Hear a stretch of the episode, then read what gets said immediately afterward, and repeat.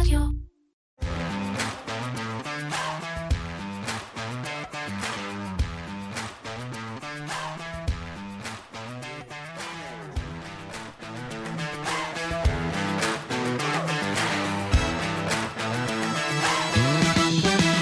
שלום וברוכים הבאים לפרק נוסף של פודקאסט מנועי הכסף של כלכליסט עם הכלכלן והאסטרטג הראשי של פסגות אורי גרינפלד, אהלן אורי. אהלן שי.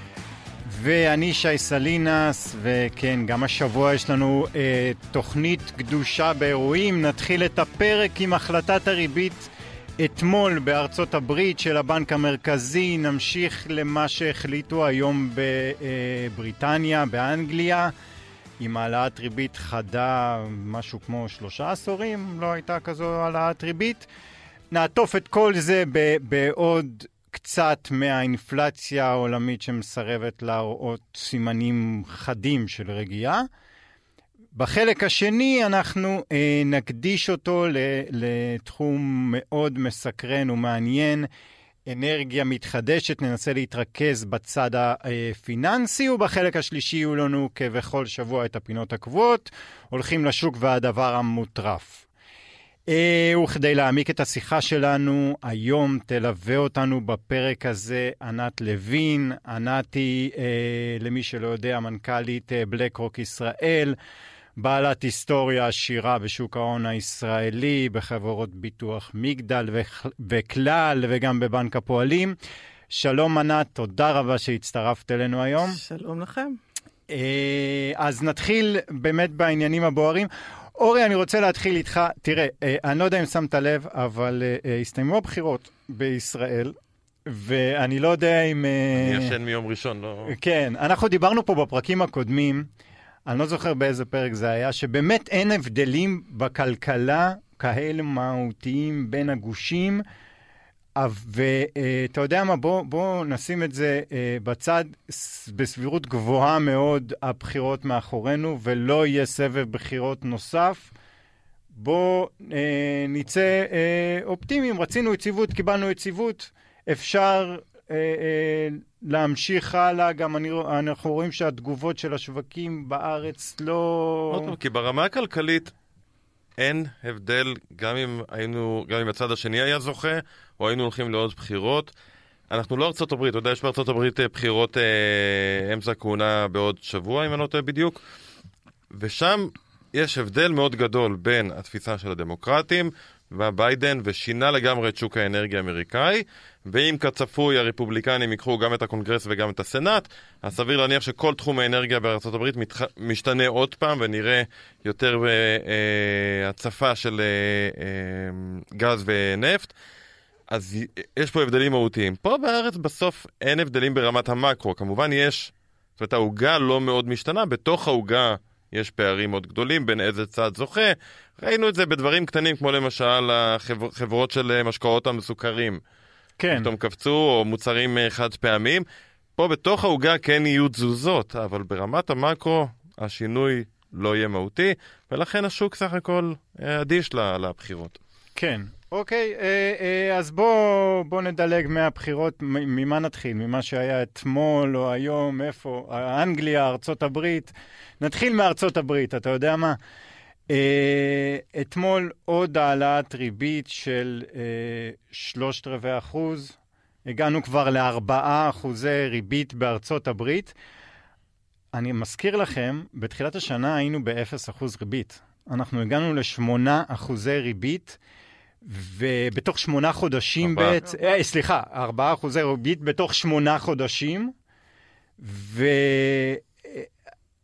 ותקנו אותי אם אני טועה, לא רואים השפעה כל כך מהותית כרגע בכלכלה הריאלית. אני מתקן אותך, כי אתה טועה. אוקיי.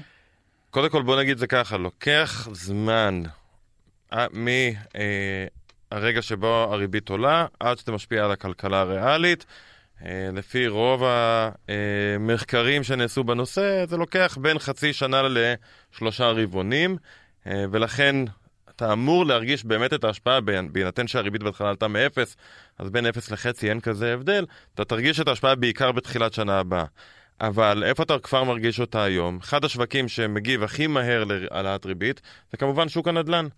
ואתה רואה את הריבית על משכנתאות בארצות הברית ברמה של 7.25 ואתה רואה את המכירות של הבתים פשוט בקריסה, אה, ואתה תתחיל לראות כנראה גם ירידות מחירים, אולי אפילו בארצות הברית אה, חדות. אה, של הדירות, וממש בשבועות האחרונים אתה רואה פעם ראשונה גם ירידה אמיתית במחירי השכירות, פעם ראשונה מזה שנים שאתה רואה כזו ירידה. זאת אומרת, כן, הריבית משפיעה, היא משפיעה קודם כל על שוק הנדל"ן, אבל היא תשפיע על כמעט כל ענף, כי בסוף העסקים מתממנים בריבית הרבה יותר גבוהה, הצרכן רואה פיקדון בבנק בריבית הרבה יותר גבוהה וצורך פחות, אה, לקחת הלוואה היום, בטח בשוק אה, שהוא... בנוי על אשראי כמו ארצות הברית, זה הופך להיות יותר ויותר מסובך. אגב, הנתונים האחרונים של הפד על האשראי הצרכני, הכמות כסף שהצרכן האמריקאי לוקח מכרטיסי האשראי, ממש מהכרטיסי האשראי, הם אה, רגילים לקחת בעצם את כל האשראי, to max out את הכרטיס, מה שנקרא, אה, וצריך להבין, זה, זה אשראי בריבית של סביב ה-18% היום. זו הריבית השנתית שמה.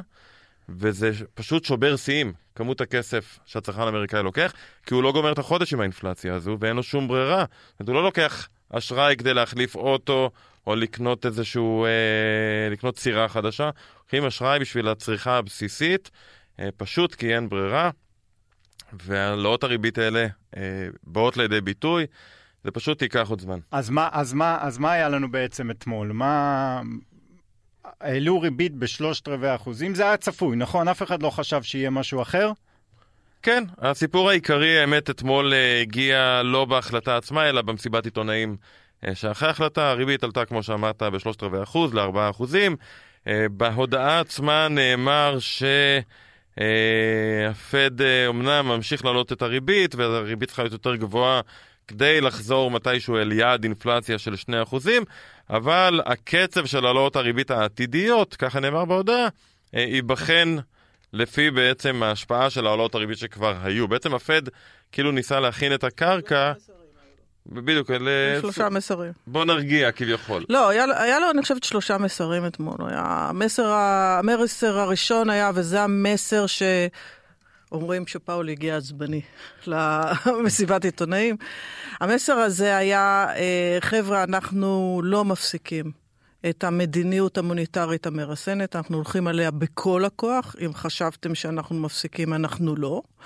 נכון, אנחנו נאט את העלאות הריבית, נאט את הקצב, אבל אנחנו נגיע הרבה יותר גבוה ממה שהשווקים כרגע חוזים. זה מסר אחד שהיה. מה, מסר מה, שאני... מה השווקים חוזים? השווקים חזו, היה, היה איזשהו ממוצע חזאים של 4-6, היום כבר מדברים על מעל 5, אז... הוא uh... אמר ממש בצורה ברורה, הוא אמר הריבית תהיה יותר גבוהה ממה שחשבנו בספטמבר. שבספטמבר זה היה את הממוצע הזה. היו סביב 4.5, 4.6. היא תגיע כנראה נכון. למעל חמישה אחוזים. אז זה היה מסר אחד. המסר השני הוא אמר, אבל... ואז הוא מסר את המסר שאתה יודע, ש... שאנשי שוק ההון יותר אהבו לשמוע, והוא... אה, אה, אבל אני מסתכל על הכל במצטבר, אני לא מסתכל רק על, ה... על האחת ועל השנייה, ואני מבין שיש לזה, שיש לזה אה, רגל מאוחרת לה... להשפעה של העניין הזה. אבל אני חושבת שהסיפור פה, אורי, זה שאנחנו צריכים להאמין לפד. הפד הגיע בשביל לשבור את הביקושים. הפד זה שמייצר ורוצה לייצר את המיתון ואת ההאטה. כי זו הדרך שלו היחידה. בעצם להוריד את האינפלציה לפני שהיא תעשה דביקה. והוא מסתכל על שוק העבודה, ושוק העבודה עדיין, כשאתה מסתכל על שוק העבודה, אתה עדיין רואה שקשה מאוד לגייס עובדים בארצות הברית למרות המספר משרות פנויות, זאת אומרת השכר מתחיל כן לטפס, ואת זה בדיוק הוא... הוא חייב לשבור את זה. נכון, הוא חייב לשבור את זה כי... העניין הוא שאנחנו אחרי 15 שנה כמעט, שפשוט הפסיקו להאמין לפד. כי כל המשחק ב-15 שנה האלו היה... מתי, איך אני עוזר לשווקים הפיננסיים? האינפלציה הייתה הרי בשליטה, היא הייתה נמוכה מהצפי. אני יכולה לתקן? אני חושבת שאנחנו ב-20, אתה יודע, שנינו אנשי שוק הון. ב-20 שנה או 15 שנה האחרונה היינו רגילים, הפד מגיע להצלה. Fed for the rescue. בדיוק. רק סיבה, סממן הכי קטן של האטה, ירידה בביקושים וכולי, דגדם דגדם, אותו אביר על סוס לבן הגיע והציל את השווקים עם הורדת ריבית. עכשיו, הפד הוא זה שיוצר את הריבית. שזה התפקיד הבסיסי שלו. את ה... לא את הריבית, סליחה, את האינפלט... את. המיתון, את ההאטה. כן. זאת אומרת, המשחק הזה, השוק עוד לא התרגל אליו. בדיוק. יש- השינוי הזה, השוק עוד לא להגיד, התרגל. יש לא מעט אנשים בשווקים, עובדים מתחלפים, מגיעים מנהלי השקעות חדשים, מגיעים אנליסטים חדשים, והם לא מכירים עולם כזה. שכחו שיש עולם שבו הפד מוכן לגרום לירידות של 15, 20, 30 אחוז בשווקים, אינן אישיו מבחינתו. האישיו היחיד הוא לעצור את האינפלציה. תראה, פאוול אמר במסיבת עיתונאים משפט שאני לא זוכר אותו כזה כל כך חד, אמרת, הוא הגיע עצבני. הוא אמר, כי התחילו לדבר כל הזמן על הפיבוט, מתי יורידו ריבית, הוא אמר, לפד יש עוד הרבה עבודה, אין בכלל מה לדבר על עצירה של העלאות הריבית, שלא לדבר על הפחתה. זו לא שיחה שבכלל צריכה להתקיים עכשיו, כך הוא אמר. תפס, תפסיקו לדבר על זה, זה לא רלוונטי. תפסיקו לבלבל לי את המוח, אני תשאלו את עכשיו עצמכם, השאלה. היחידה שאתם כמשקיעים צריכים לשאול את עצמכם, האם הריבית תגיע בשיא לחמישה ורבע אחוזים, לחמישה וחצי, אה, וכמה זמן היא תישאר שם, שזו בעצם השאלה הכי חשובה ברמה הכלכלית. כי האינפלציה היא 8-9 אחוז, זאת אומרת, מתי תרד מהקצב הזה? מתי תרד חזרה לחמש, לאותה ריבית? מתי נגיע לאותה ריבית ניטרלית בעצם? ואז כן. הש... השאלה היא בעצם, האם הכלכלה יודעת להתמודד נגיד עם ריבית של חמישה ורבע אחוזים? אם נגיע לחמישה ורבע ונחזור, אפשר לחיות עם זה. אם נישאר בריבית של חמישה ורבע אחוזים למשך שנה וחצי, שנתיים, שאלה טובה, איך חברות למשל מתממנות פתאום בריביות של שבעה, שמונה אחוזים? לא, אנחנו לא היינו בעולם הזה. כמות האשראי היא אדירה, איכות האשראי היא מאוד נמוכה, כי חילקו כסף במשך אה, המון המון זמן. ואלה בעצם השאלות אה, שאני שואל היום, האם הכלכלה האמריקאית, האירופאית, הישראלית, אה, האם הסקטור העסקי, האם הסקטור הפיננסי, יודע להתמודד עם סביבה של ריבית גבוהה, אבל גם לאורך זמן? זו השאלה הבאמת מעניינת. נכון, ואתה רואה את זה גם בעקום. העקומים האמריקאים הפוכים, אה, אה, עקום הפוך הוא עקום שמעיד כמובן על מיתון, אבל הוא הפוך, ב, אני חושבת, ברמה הכי חדה שלו במעל 20 שנה האחרונות. ו, ובדיוק מה שאורי אמר. זאת אומרת, האם אנחנו יודעים שמחירי המניות ומחירי הנכסים הפיננסיים מגלמים ריבית אה, אה, גבוהה כזו של חמישה אחוז על פני זמן, זו שאלה מאוד חשובה. אם תסתכל על החברות, לדוגמה בארצות הברית, הם נכנסו לאירוע הזה ברמת מינוף הרבה יותר גבוהה מאשר 2008. נכון, השירות חוב שלהם היה יותר טוב, הוא היה הרבה יותר יעיל, כי לא חוכמה, הריבית הייתה אפס, אז הם יכלו לפרוס את זה להרבה מאוד שנים. אבל אם אתה עושה רק תרחיש של שלושה ורבע אחוז, של ארבעה אחוז, אתה מגיע כבר אה, אה, לרמות של שירות חוב שהיו היו לפני המשבר של 2008, רמות ש, שירות חוב המסוכנות, ושלא לדבר על מדינות. זאת אומרת, מה, מה זה עושה בתקציבים של המדינות? מה, מה עושה ריבית יותר גבוהה? איזה תהליך איך איטליה תתמודד עם זה? ריבית של שישה אחוזים? בדיוק. האמת שבדקנו את זה בפסגות אה, השבוע על השוק האמריקאי, נדבר על הסקטור העסקי. כרגע אין איזושהי בעיה, כי החברות לא רק שלקחו חובות בריבית נמוכה, הם גם לקחו חובות לטווחים מאוד ארוכים. אז עד 2026 אין איזה גל גדול של אגרות חוב שמגיעות לפדיון וצריך למחזר אותן. זאת אומרת, לקחת הלוואות מחדש כדי להחזיר את החוב הקיים, כי חובות לא מחזירים, חובות רק ממחזרים. אה, אז עד 2026 אין איזה בלק גדול כזה של חובות שמגיעים לפדיון, ולכן גם אם הריבית תישאר שנה-שנתיים גבוהה ואז אולי תרד, הסקטור העסקי האמריקאי, אני מדבר על חברות ה-S&P 500, ישרוד את זה. בארץ, יש לנו ב-2023 50 מיליארד שקל שמגיעים לפדיון, והחברות צריכות להחזיר את הכסף, מה שהן לא יכולות, או למחזר בריבית הרבה יותר גבוהה. 25 מיליארד מתוך זה זה רק שוק הנדל"ן.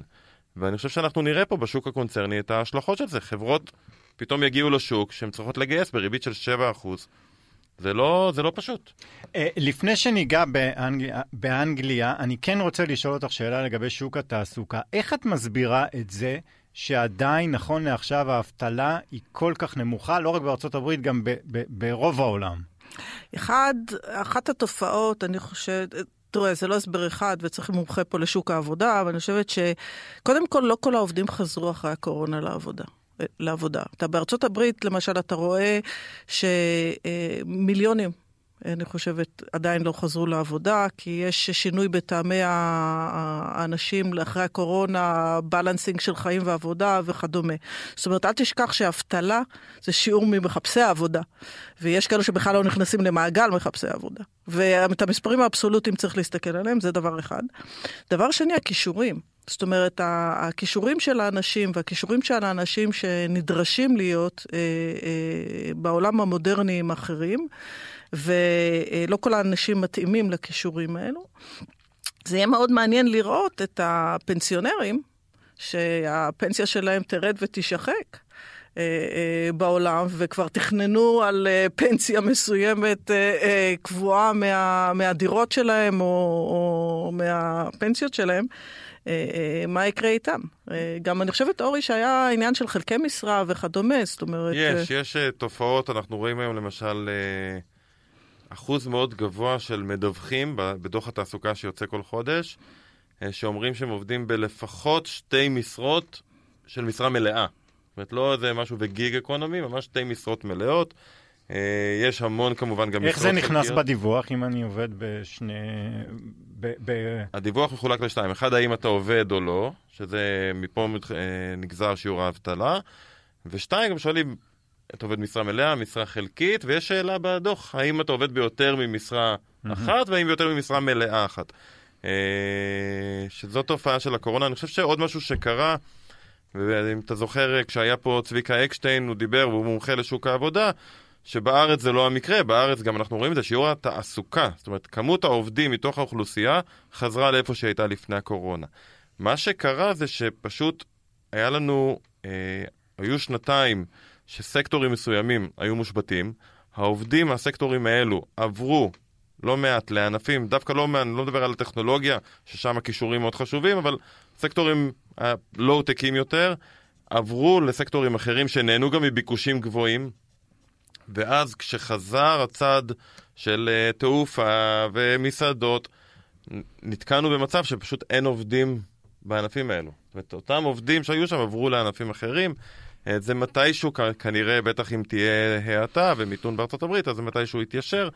אבל בסוף, השורה התחתונה היא שהביקוש אחרי הקורונה חזר כל כך מהר, הצמיחה הייתה מאוד מהירה, הרבה יותר מהירה מהמגמה ארוכת הטווח, וזה יצר אה, מחסור, מחסור במוצרים, מחסור בשירותים ומחסור בעובדים. גם זה הפד מסתכל. הפד מסתכל על, על ההדבקה מאותה עליית שכר. כן.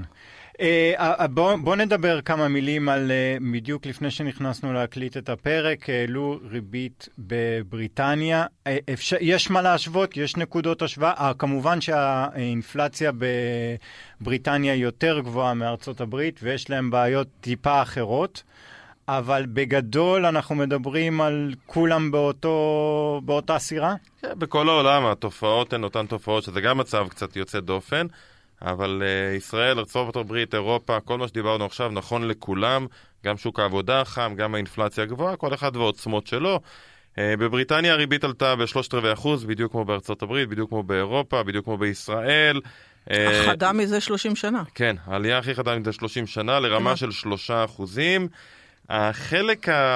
אולי המעניין שהייתה בהחלטה, שהיא לא הייתה כל כך דרמטית ומעניינת, היא שהבנק המרכזי שם מציין בעצם שהאינפלציה, התחזית אינפלציה שלהם היא לאינפלציה של 11% אה, בסוף השנה הזו, אבל הם אומרים שהיא תכלס יותר גבוהה, פשוט התמיכה הטכנית של הממשלה במחירי האנרגיה, כי מגבילים את מחירי האנרגיה, מסבסדים בעצם חלק מתצרוכת האנרגיה של משקי הבית, אז זה מוריד לנו את האינפלציה בטווח קצר, והוא אומר, יהיו לזה השלכות חיוביות על האינפלציה בטווח ארוך, כי בסוף כשאתה מחלק כסף, אז הכסף הזה מוצא את עצמו הולך למקומות אחרים במקום אנרגיה, וזה ממשיך לייצר לחצים אינפלציוניים בענפים אחרים, והוא מדבר על זה, אה, והאמת, כמו שאמרת קודם, הבנקים המרכזיים התחילו להיות אה, אמיתיים, מה שנקרא, כן. מדברים דוגרי, אנחנו כן. צריכים להכניס את המשק למיתון, אנחנו הולכים להעלות את הריבית.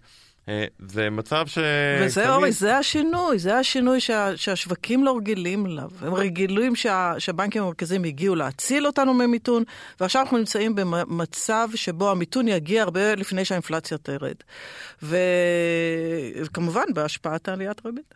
אגב, בבריטניה, בהפוך על ארה"ב, נאמר בהודעה ששיא הריבית יהיה נמוך יותר ממה שהשוק מגלם, כי השוק בבריטניה ברח עם חוסר האמון שהיה, וראשות הממשלה שהתפטרה, וראש ממשלה חדש, אז תשואות האג"ח עלו הרבה יותר מציפיות הריבית, פשוט על חוסר הוודאות. אה, השוק העניש, אפשר להגיד, את בריטניה, אז כן בא הבנק המרכזי ואומר, השוק קצת אה, נסחף, אנחנו לא נעלה את הריבית עד כדי כך, זה לא עזר. מיד אחרי שהוא אמר את זה, התשואות עלו עוד יותר והפאונד חתך. אבל אלו הסדקים. אה, אז אפשר להגיד שלבריטניה יש אותן בעיות כמו ארצות הברית, רק עכשיו עם בלאגן פוליטי ובעיית אנרגיה?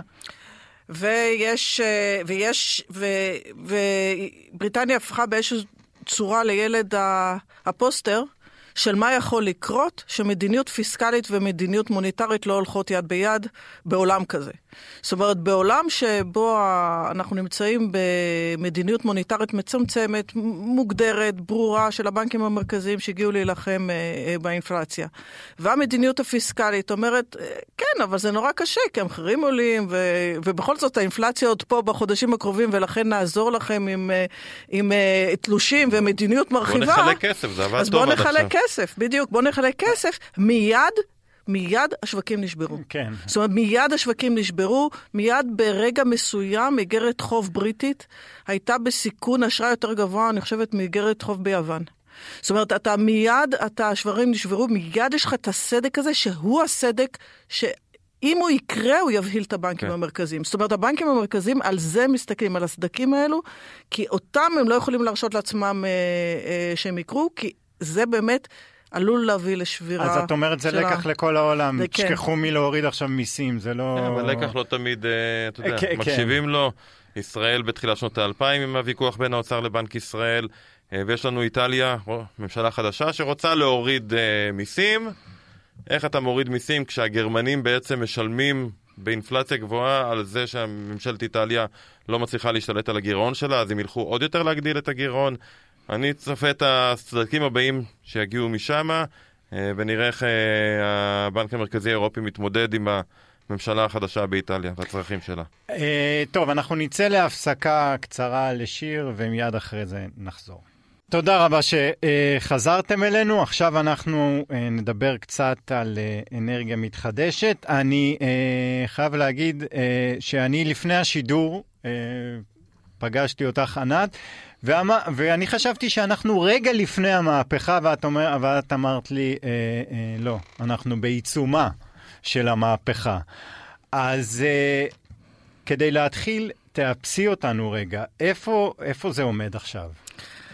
תראה, הנושא של uh, משבר האקלים וההשפעה הכלכלית שלו על העולם, הוא היה, אתה יודע, הוא התחיל עם חיבוק עצים כזה, ואחר כך לאט לאט אנחנו מתחילים להבין שיש לו השפעה כלכלית. אנחנו רואים שמספר אה, אירועי הטבע עולה, אנחנו רואים שהאירועים הקיצוניים עולים יותר, מדברים על אה, בין 10 ל-25 אחוז פגיעה בתמ"ג העולמי בגלל אירועי אקלים, זאת אומרת, תלוי, אתה יודע, בין 10 ל-25, תלוי אם אתה לוקח את אורי או מישהו אחר, זה, זה, זה, כן, זה תלוי, את החזאי.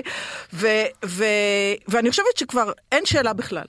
זאת אומרת, אין שאלה בכלל, כולנו מבינים שזה עולה כסף וזה יעלה כסף. עכשיו, על זה נוסף לייר מסוים, שחלק מהמשבר הגיאופוליטי שקורה לנו עכשיו הוא משבר של סחורות ואנרגיה.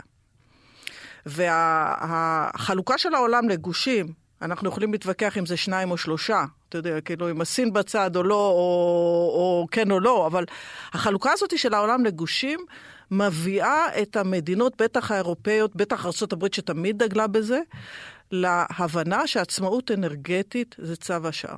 זאת אומרת, אני חייב לשלוט באנרגיה שלי אם אני רוצה להמשיך את הקיום של האזרחים שלי, אם אני רוצה להמשיך את, ה, אה, אה, את השרידות של התעשייה שלי. עכשיו, עצמאות אנרגטית, הרי אנחנו לא נחזור מיליארדי שנה אחורנית ונטמין מחדש גז באדמה ונפט. עצמאות אנרגטית זה אומר שאני צריך לחפש את המקורות החליפיים לאותה אנרגיה, והמקורות החליפיים לאותה אנרגיה הגיעו מאנרגיית רוח, מאנרגיה סולארית, מאנרגיית מים וכדומה. שהם, תראה איזה פלא, נמצאים אכן, אכן נמצאים, נמצאים כפתרונות לאותו משבר אקלים. כי המשבר אקלים, ההבנה, כאילו הפתרון ה... שמנסים לכמת את זה, ואומרים, אוקיי, אז משבר אקלים, מה אני עושה? כאילו, חוץ מ... מ... מלהסתכל על זה ועיניי כלות, מה אני צריך לעשות? אז הפתרון של זה הוא לאפס את פליטות הפחמן, את הזיהום שאנחנו בעצם מוציאים לאטמוספירה, ואת הזיהום הזה, אם נאפס אותו, את אפקט החממה שאנחנו יוצרים, ולכן הוא גורם לעליית הטמפרטורה בעולם, הדבר הזה יועט. ו, וכדי שאותן פליטות, אותו זיהום ייפסק, אנחנו צריכים באמת לעבור לאנרגיות יותר נקיות, ואנחנו גם צריכים לשנות התנהגות. זאת אומרת, יש דברים שאנחנו כנראה עוד 20-30 שנה לא נצרוך, יש התנהגות, יש טכנולוגיה שתשתנה, יש הרבה מאוד אה, אה, אה, כסף. אה, שיושקע בשביל אה, להציל את העולם מה, מה, מהגורל הזה. וה, ולכן לכן זה כבר כאן, אני חושבת שה... שעכשיו לא, שלא, עכשיו היא בכלל לא שאלה לא האם, אלא איך עושים את זה, מה ההזדמנויות של זה, איך נכון לעשות את זה. וכדומה. ואני חושבת שדווקא האירועים הגיאופוליטיים האחרונים רק חיזקו את העניין. זה פשוט תמריץ אדיר, כי לפני נכון. ארבע שנים כבר האירופאים היו בכיוון ובנו, ולא מעט השקעות באנרגיה חליפית. אגב, עוד לפני האירועים הגיאופוליטיים, אחת הסיבות שראינו את המחירי האנרגיה עולים עוד בתקופת הקורונה, כי לא הייתה מספיק רוח באירופה וכן הלאה. אבל ברגע שאירופה באה ואומרת, אני חייבת להיות עצמאית, אני לא יכולה להיות תלויה יותר ברוסיה, אז חייבים לבוא לידי ביטוי שני תהליכים. תהליך אחד לטווח קצר, כן לקנות גז, אה, לבנות מסופים של LNG, לקנות גז יותר מאמריקאים, אולי מישראל. אה, זה יקרה כי האנרגיה החליפית לא יכולה פשוט לפצות על כל מה שנגזר מזה שמתנתקים מרוסיה. אבל שתיים, לפתח באמת את המקומות האלה, וזה, כשאנחנו מסתכלים נגיד עשר שנים קדימה, זה נראה שזה הולך להיות אחד הסקטורים עם הצמיחה הכי מהירה בעולם. Winter is coming. אני אומרת ש-winter is coming, ואתה רואה שה... אם לדוגמה אירופה ב- לפני שנה הייתה תלויה 40% מהאנרגיה שלה ברוסיה, עכשיו היא תלויה 9%, ירידה דרמטית, וזה לחורף הקרוב. אה, אה, בדרך כמובן מחירי האנרגיה השתוללו, כי אתה יודע, ביציאה משיווי משקל אחד לשיווי משקל שני, זה אף פעם לא נעשה בצורה חלקה. תמיד יש לך את התנודות האלו ואת האי-בהירות הזאת, איך עוברים מנקודה א' לנקודה ב'. אבל אני חושבת שגם הקורונה, ולא רק המשברים הגיאופוליטיים, לימדו אותנו שצריך לקרב את אה, שרשרות האספקה למדינות ולבית, ולכן זה אומר את האנרגיה וזה אומר עוד מפעלים. אגב, לשיחתנו הקודמת, זה אומר שרמת האינפלציה בעולם היא לא הולכת להירגע כל כך מהר, כי זה יקר מאוד ודורש הרבה מאוד השקעות לעשות את זה. זאת אומרת שהיעד שיש היום למדינות, יעד האינפלציה הוא לא ריאלי? של השני אחוז? נניח, בארצות הברית? אנחנו חושבים, אנחנו חושבים שארצות הברית יהיה לה קשה מאוד להגיע שוב פעם ל-2%. היא כנראה תגיע ל-3% במקרה הטוב, ואולי אפילו יותר, כי התהליך הזה הוא תהליך אינפלציוני. אבל, אבל רגע, יש לי גם... אבל אנחנו מדברים על אקלים, למה אינפלציה? כן, קודם דיברנו על אינפלציה, נכון, בואו נדבר על אקלים. נכון, לא, אבל יש לי שאלה לגבי זה. אה, אה, תראי, לא קשה לשכנע מישהו שחי בבלגיה או בגרמניה במה שאמרת עכשיו. איך את משכנעת מישהו שחי באפריקה, ב- ליד המדבר, להשקיע עכשיו באנרגיה? מה... שאלה נהדרת. מה הוא רוצה, מה את רוצה מהחיים שלו? שאלה נהדרת. קודם כל, אתה בשאלה הזאתי פיצחת את ההבנה שזה לא בעיה של מדינה בודדת. זאת אומרת, אנחנו חיים על כדור אחד. ובכדור הזה זה לא משנה אם אפקט החממה יגיע ממעל אפריקה, מעל אירופה או מעל ישראל. זה כדור אחד, זה אותו, זה אותו אוויר. ולכן המדינות העניות שבאמת יש להם, אה, אין, אין להם את הכוח הכלכלי לייצר את השינוי הזה, יצטרכו להיעזר במדינות העשירות יותר, ואתה רואה כבר היום הבנה, יש את אה, ועידת האקלים אה, אה, בעוד שבוע, אני מניחה שגם אולי ידברו על זה. כן. אתה רואה את ההבנה של המדינות העשירות, שהם יצטרכו לתמוך במדינות שאין להם את הכסף, ואולי להקפיץ אותם דור. זאת אומרת, אולי להעביר אותם ישר לשיטות של המים ולשיטות הסולר. באפריקה מה שלא חסר זה שמש. כן. זאת אומרת, אנחנו, זה בטוח לא חסר. ללכת מההתחלה, כל תהליך איור בדיוק. באפריקה, להעביר אותו מיידית. כבר לאנרגיה חליפית. בדיוק, זאת אומרת, ו... אבל זה ידרוש השקעה. ולכן יש פה, יש פה דווקא הזדמנות. אה, יש, יש, אנחנו מעריכים שהעולם ישקיע משהו כמו 100, 125 טריליון דולר. כדי אה, לבנות תשתיות, אה, טכנולוגיה וכדומה, בשביל לה, לאפס את פליטות הפחמן ולהגיע לעצמאות, גם להגיע לעצמאות האנרגטית וגם אה, הטכנולוגיה שתאפס את פליטות הפחמן. 125 טריליון דולר. טריליון, רבע מזה עד 2030.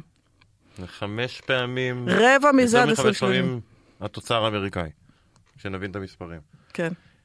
וזה, עוד פעם, חייב לחזור לאינפלציה, אם אתה משקיע הרבה כסף במפעל שיעבוד בצורה יעילה יותר כדי לפלוט פחות אה, אה, פליטות, המשמעות היא מיידית שהמוצרים שמיוצרים באותו מפעל, מחיר שלהם עולה. עכשיו, אני חייב להיות הפסימי בחבורה. אה, איך, איך הציבור יסכים לכאלה דברים? כי כל מה שאנחנו אומרים שצריך לעשות כל כך הרבה השקעות, זה בעצם אומר פחות תקציבים לדברים אחרים, אה, זה אומר אינפלציה גבוהה לאורך זמן, זה אומר ריבית גבוהה לאורך זמן, שאומר מיתון אה, אולי עמוק יותר. זאת אומרת, אנחנו הולכים כביכול כדי להציל את העולם לתקופה כלכלית לא פשוטה למשך זמן ארוך, ויכול להיות שפשוט ככל שיהיה חם יותר אנשים יבינו שאין ברירה, כי זה באמת מה שקרה בעשר שנים האחרונות, כמו שאמרת, בדיוק, זה זאת אומרת- נתפס פעם כ- זאת אומרת, כעצים. הר, הרי אם לא נעשה כלום, אה, אה, המדעני אקלים מדברים על משהו כמו 15% מהעולם בחום קיצוני של סהרה. היום לדעתי אנחנו קצת פחות מחמש. המשמעות של זה לאבטלה וצמיחה של אזורים מסוימים בעולם היא אדירה. אנחנו למשל אה, בבלקוק עשינו מפת חום של העולם, יש לנו קוביות כאלו של 20 קילומטר על 20 קילומטר לכל אזור, מה יהיה בו עוד אה, 20 שנה, עוד 30 שנה, עוד אה, אה, 50 שנה, כדי להבין את החברות שאנחנו משקיעים בהן. כי אם החברה יש לה מפעל במקום שבו החום יהיה גבוה מדי, כדי שהאוכלוסייה תוכל להיות בו, וגם אם היא תהיה פה, המים והאנרגיה יעלו הרבה כי, כי המים לא יהיו שם, אז אנחנו צריכים להבין את החברה. עכשיו, אני לא מדברת על, ה, על הצלצולים של מדי פעם אנחנו קוראים בעיתונים, על הבעיה של הפסטה ועל הבעיה של ה fish and chips וכדומה, שזה, ה, שזה ההרגלים שלנו, של מה שאנחנו אוכלים. אז איך האנשים יקבלו את זה? אני חושבת שהנכדים שלי, או הילדים של הנכדים שלי, יכול להיות שהם לא יאכלו בשר. זאת אומרת, האנשים יצטרכו לשנות הרבה דברים ממה שהם עושים היום, כי, כי את, תראה, התסריט הוא, התסריט, התסריט הוא שהעולם פועל באחריות. אנחנו לא תמיד בטוחים שהעולם פועל באחריות ובאחיזת בדיוק, ידיים בצורה, אומר, אני- אני בצורה פסימי, מדויקת. כשמדברים על בני אדם אני בדרך כלל מאוד פסימי. אז- עד שלא רע מספיק, לא יפה. מזיזים את ה... אה, נכון, מה שאתה והנה, אומר מאידך שלא בקורונה תהיה- העולם הראה כן איזושהי קורלציה של עבודה ב- ב- בנקודת משבר. זאת אומרת, היה דווקא תרגיל יפה. נכון. תרגיל כן. יפה שבו העולם הראה כן שהוא יודע שהוא מגיע לנקודה, הוא יודע כן, כן. לעשות תרגיל יפה בעבודה משולבת. יש את התרחיש ביניים שאנחנו נמשיך אה, לזרוק את הפחית הזאת אה, עד 2030 ואז פתאום ירד לנו האסימון, כי, כי תקשיבו, תבינו מה יקרה, מחירי ביטוח יעלו. אה, מחירי מזון יעלו. הגירה, אסונות טבע בלי בטח, סוף. זאת אומרת, יש לזה משמעות כלכלית. עכשיו, והתרחיש השלישי זה שבאמת לא קורה כלום, ו... ו... ו... ואנחנו לאט לאט צריכים לעלות למקומות שהם היום הם לא ברי מחיה. אז לפי המפה שלכם לאן צריך לעבור במצב כזה? זה תשלם הרבה כסף כדי שאני אתן לך. עכשיו, אני אומר פה שהלוואי ובאמת התרחיש האופטימי שמתחילים לזוז אכן מתממש, צריך לזכור שני גורמים. אחד, סין כרגע לא בתמונה בכלל, לא מעניין אותה. שתיים, אה, טראמפ. יכול להיות אה, שאולי בטעות גם הוא יחזור, וגם האג'נדה שלו היא שונה. למרות ששם אני מניח שעוד פעם, ככל ש... כמו שאנחנו רואים בשנים האחרונות, עוד מתחמם, ועוד אסונות, ועוד הוריקן קשה בפלורידה, גם אמריקאים, וגם אם זה יהיה תחת טראמפ, ישתכנעו, אין, אין ברירה, חייבים לשפוך הרבה כסף. אבל אנחנו בפודקאסט כלכלי. זאת אומרת, אנחנו צריכים לכל הפחות, כמשקיעים וכאנשים שמתמודדים בשוק ההון, להעריך את זה ברמה הפיננסית, ברמת חברה. זאת אומרת, לכל הפחות. זאת אומרת, אם עד היום היית רגיל, כשאתה מנתח חברה, כשאתה מנתח פרויקט, לנתח את הסיכון נזילות שלו, את הסיכון אשראי שלו, בסדר? את, ה, את השרידות התפעולית שלו, אתה צריך להתחיל להוסיף לאר ולהגיד, אוקיי, עכשיו אני רוצה גם להבין שסיכון אקלים שווה סיכון השקעה, ואני רוצה לנתח את זה. עכשיו, הסיכון הזה, הוא יכול להגיע הרי משני, משני, משני צינורות הזנה. אחד זה באמת הסיכון הפיזי של האקלים, חם יותר, אין מים וכדומה, והשני הרגולציה. אתה ציינת את אירופה, באירופה כבר יש הרבה מאוד רגולציה שמשפיעה על סימון מוצרים, על סימון מוצרים פיננסיים וכדומה, ואם אתה לא עוקב, אומרים לך, תקשיבו, אם אתה לא תבין את זה בצורה הקלה, אנחנו נסביר לך את זה בצורה הקשה. ואתה מזהם, תשלם יותר מס. ויש לזה עלויות. שולח, יש לך עלויות, אתה מייצר מוצרים ש, שהם הם מזהמים בשרשרת ערך שלהם, תשלם לנו מס אם אתה רוצה למכור את זה אצלנו וכדומה. זאת אומרת, בסוף המשבר הזה, אה, אה, יטופל וינוהל על ידי רגולציה וכסף. ולכן אנחנו צריכים להבין את זה גם ברמת החברות, ואנחנו צריכים להבין איך זה משפיע על החברות שאנחנו משקיעים. ולעצום את העיניים ולהגיד, זה לא סיכון, ולכן אני לא מנתח את זה, כי אני לא יודע איך להתמודד עם זה. זה קצת אה, בריחה מאחריות.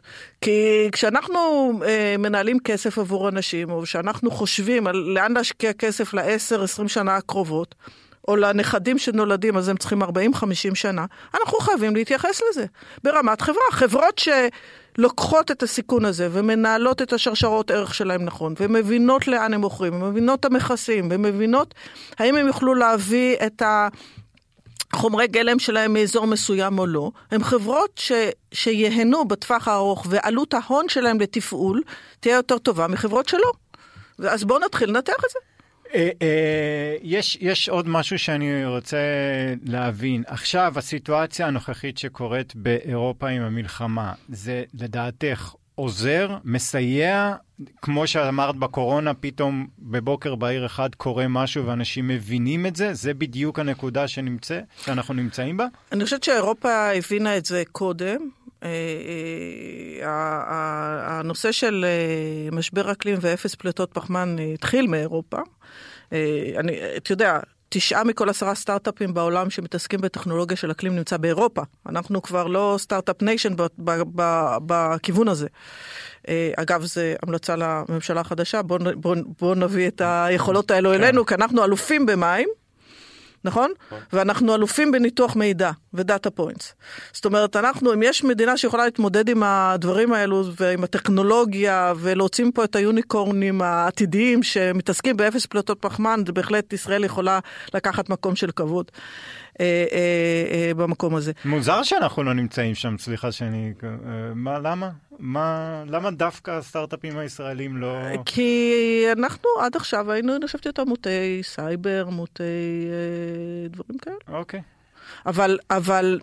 אין פה תפיסה של חשיבות של הנושא האקלימי. כן, ברור שהאירופים מובילים את כן. זה. לא, כן. לא, לא רואים מאיפה הכסף מגיע. כן. זאת אומרת, אתה לא רואה כן. בסוף שאתה סטארט-אפיסט, אתה אומר, אוקיי, אני מייצר משהו, מאיפה יגיעו ההכנסות שלי? אתה לא רואה, אתה לא רואה את המודל הכלכלי. ישראל היא ארגז חול להתחיל לעבוד, ואחרי זה לצאת לעולם. כן. אתה לא יכול להתחיל לעבוד פה כארגז חול, אז אתה לא תפתח. נכון, נטפים אבל הוכיחה לנו אחרת.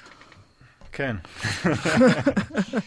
אה, אה, רק לסיום החלק הזה, את אופטימית?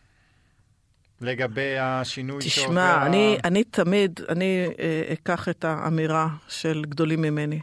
חייבים להיות אופטימיים, כי זה החצי כוס היחידה שאפשר לשתות ממנה. אוקיי. אה, תודה רבה, אנחנו נצא להפסקה ומיד נחזור. תודה שחזרתם אלינו, אנחנו עם הפינה שלנו הולכים לשוק, שזה אלו האירועים החשובים שכדאי שתשימו לב אליהם בשבוע הקרוב. אה, אנחנו מתחילים, אורי, מחר יש לנו אה, בשתיים וחצי בצהריים אה, את נתוני האבטלה בארצות הברית. דוח התעסוקה באופן דוח כללי. דוח התעסוקה. גם האבטלה, הכי חשוב, כל פעם אנחנו חוזרים על זה, סיפור השכר. ואם הוא ממשיך לעלות בקצבים המהירים שאנחנו רואים היום, סביב השישה אחוזים עלייה בשכר בארצות הברית בשנה האחרונה, שזה כמובן מספר מאוד גבוה. אה, וככל שהוא גבוה, הוא לא גבוה כמו אינפלציה, אז בעצם השכר הריאלי נשחק, דיברנו על זה. כן. אה, כרגע הצפי הוא לתוספת של 200 משרות, אגב, בנתון המרכזי, שזה האטה מ-260 זה אתה, אבל אלף. זה עדיין גבוה לעומת מה שהפד היה רוצה לראות. הפד היה רוצה לראות אולי אפילו בין 0 ל-100, 100 אלף משרות אה, בחודש, כדי לראות באמת שיש איזו עצירה בשוק העבודה. היחס היום בין מספר המשרות הפנויות בארצות הברית לעובדים שמחפשים עבודה עומד על 1.7. זאת אומרת, על כל 1.7 משרות פנויות, יש לי עובד לכל 1.7 משרות פנויות. אה, כשזה היה 2, אז כאילו המצב משתפר, אבל הפד אמר, עד שזה לא מגיע ל-1-1, וזה היה אחד-אחד. בדרך כלל זה, אה, יש יותר אנשים שמחפשים עבודה כן. ממשרות פנויות. זה המצב הנורמלי, כאילו, אה, בעידן ההוא שלפני הקורונה. בעידן ההוא שלפני הקורונה. כן. וזה מה שצריך לחכות ולראות אה, מתי זה יקרה. זה פשוט ייקח עוד זמן. ו- ובשבוע הבא אנחנו עם, אה, שוב, מדד המחירים, ב- עם האינפלציה בארצות הברית. אה, גם, אני מזכיר לך ששבוע ש... שבוע שעבר, חודש שעבר בנתון הקודם, ציפו למשהו יותר טוב, ובסוף ההאטה באינפלציה לא הייתה כל כך אה, משמעותית. אנחנו גם על סביבות 8.1 אחוזים צפי. כן, אז אה, עוד פעם, אנחנו לא יודעים מה... אנחנו יודעים מה צופים, אנחנו לא יודעים מה יצא. כן, העניין לגבי האינפלציה בארצות הברית היא שהחל מתחילת שנה אנחנו כבר נתחיל לראות ירידות, רואים למשל מחירי הרכבים יורדים בחדות אה, בחודשיים האחרונים, אה, פשוט כי יש הרבה גורמי קורונה שכבר יוצאים מהמערכת, אבל מה שהשוק ירצה לראות וכנראה לא יראה, זה את המעבר בעצם, או את ההאטה באינפלציית הביקוש. אינפלציית ההיצע שקיימת והיא עדיין רוב האינפלציה, לכולם ברור שמתישהו היא הולכת ומסתיימת. אני שם רגע את נושא של האנרגיה בצד, כי הקורונה מאחורינו, כבר אין פקקים בנמלים, אה, והדברים נפתר, נפתרו. אבל אינפלציית הביקוש כל הזמן הולכת וגדלה, ומאיצה למעשה, ורק כשזה יתחיל להאט, אז הפד בכלל ידבר על האטה של קצב העלאות הריבית, וזה תהליך, עוד פעם, מחודש לחודש, אנחנו מבינים כמה שהתהליך הזה ארוך. אה, וזה מה שהשוק יחפש לראות בנתונים. אז אתה אומר, זה עדיין נשאר מכל הנתונים, האינפלציה נשארה הנתון הכי חשוב עכשיו? חד אפשר- משמעית, כן. חד משמעית. עוד פעם, האינפלציה זה נתון גדול, זה לא המספר עצמו. זה אינפלציה, מאיפה היא מגיעה, מה הגורמים המרכזיים שתורמים אל האינפלציה. אה, אבל כן, השוק מחכה לראות את השינוי פה כדי להבין שיש מתישהו שינוי אצל הפד, אה, וזה הגורם הכי הכי חשוב בשווקים, זה ריבית הפד. אוקיי, אה, אז אלו הדברים שכדאי לשים לב. אנחנו לפינה האחרונה שלנו. הדבר המוטרף שקרה השבוע, ואולי לא שמתם אליו לב, אני אתחיל השבוע. השבוע, החל מהראשון בנובמבר, בניו יורק, בניו יורק סיטי, אה, חובה, אם אתה מפרסם אה, משרה, חובה עליך לפרסם מה השכר שאתה משלם. אתה לא חייב לשלם, לפרסם בדיוק את השכר, אתה יכול לפרסם טווח, אבל זה איזשהו מהלך של העיר אה, לייצר איזשהו שוויון בעבודה ובשכר. עכשיו, אה, אמנם קצת, אה, לא עבר הרבה זמן כדי לבחון איך זה באמת קורה. דרך אגב, גם אה, למשרות פנימיות, כלומר, גם אם אתה עובר תפקיד בתוך החברה, עדיין אתה חייב לפרסם אגב, את זה זה. נהוג היום ב- ב- ב- בהייטק, זה נהוג שיש דרגות מסוימות, ויש שכר שידוע לכל דרגה, ואם מציעים לך לעבור מפה... אבל לא פר חברה, לא לפי חברה. זאת אומרת, אם אתה הולך לחברה X, אז הם מציעים ככה לבודק תוכנה וחברה... כן. אז זה השינוי הגדול. עכשיו, יש כמה בעיות עם זה. דבר ראשון, המעסיקים הם קצת יותר מתוחכמים מזה. הם מפרסמים פער גדול מדי, כבר שמו לב, הם מפרסמים פער בין 50 אלף דולר, למשל, בשנה ל-100 אלף דולר. מזכיר לי שפעם נתתי תחזית לשער חליפין שיהיה בין שלוש לחמש. כי לא ידעתי צדקת, מה לענות. צדקת. צדקתי, כן. כל הכבוד. אה, בעיה נוספת היא שרק שכר כלול בפנים, והרי הייטק הם, הם עיקר השכר, לא, לא עיקר, חלק נכבד מהשכר זה בונוסים ואופציות. אה, והבעיה הכי גדולה, שהאכיפה היא רק ללוחות דרושים הרשמיים ולא אה, לרשתות חברתיות. שם הכל, אתה יכול לפרסם משרה בלינקדין, אף אחד לא יגיד לך כלום. אה, ניסוי מעניין. כן, אולי שווה לנסות את זה בארץ. בהצלחה. אה, טוב, אני, אתה יודע, אוהב את הימים האלה שמתפרסמים אה, סקרים מעניינים ועבודות מעניינות, אז התפרסם איזשהו מחקר אה, שבוחן בעצם את שיעור האוכלוסייה ש... צמחונית, נגיד את זה, שפשוט עושים דיאטה צמחונית.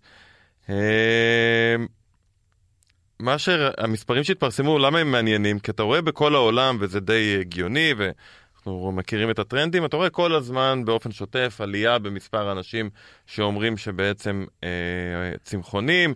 בבריטניה אה, עלה, הנתונים פה הם מ-2019 עד, עד 2022, זאת אומרת בשלוש השנים האחרונות. בריטניה ראינו עלייה מ-5.5% מהמשיבים ל-6.5 אחוזים, ארה"ב מ-2.9 ל-5.1, ממש אה, קפיצה במספר האנשים שהפכו להיות צמחונים. אה, מי עוד מעניין פה? גרמניה מ-4.1 ל-6. הייתי בטוח שזה הרבה יותר, אני חייב להגיד. אוקיי. אה, אתה פשוט, אתה יודע, זה כמו שאם כן, היית כן. מסתכל בפייסבוק שלך ביום בחירות, כן. היית בטוח שמישהו אחר ניצח. אה, אבל מה שבאמת מעניין פה, זה שבמדינות המתפתחות אתה רואה מגמה הפוכה. בהודו מספר הצמחונים, שהיא מן הסתם הכי גבוה בעולם, ירד מ-32.7 ל-26.5, ירידה חדה. בסין, מספר, לא מספר, שיעור הצמחונים ירד מ-9.6 ל-5.4, ואנחנו רואים ירידה גם בברזיל. זאת אומרת, במדינות המתפתחות אתה רואה תהליך הפוך לגמרי, שאולי הוא חלק מתהליך האיור שיש, אה, אבל זו מגמה ש... עכשיו זה גם הכל מתחבר היום, אה, כן. אנרגיה, סחורות, אה, זה לא סתם מדינות מתפתחות קטנות, זה הודו וסין.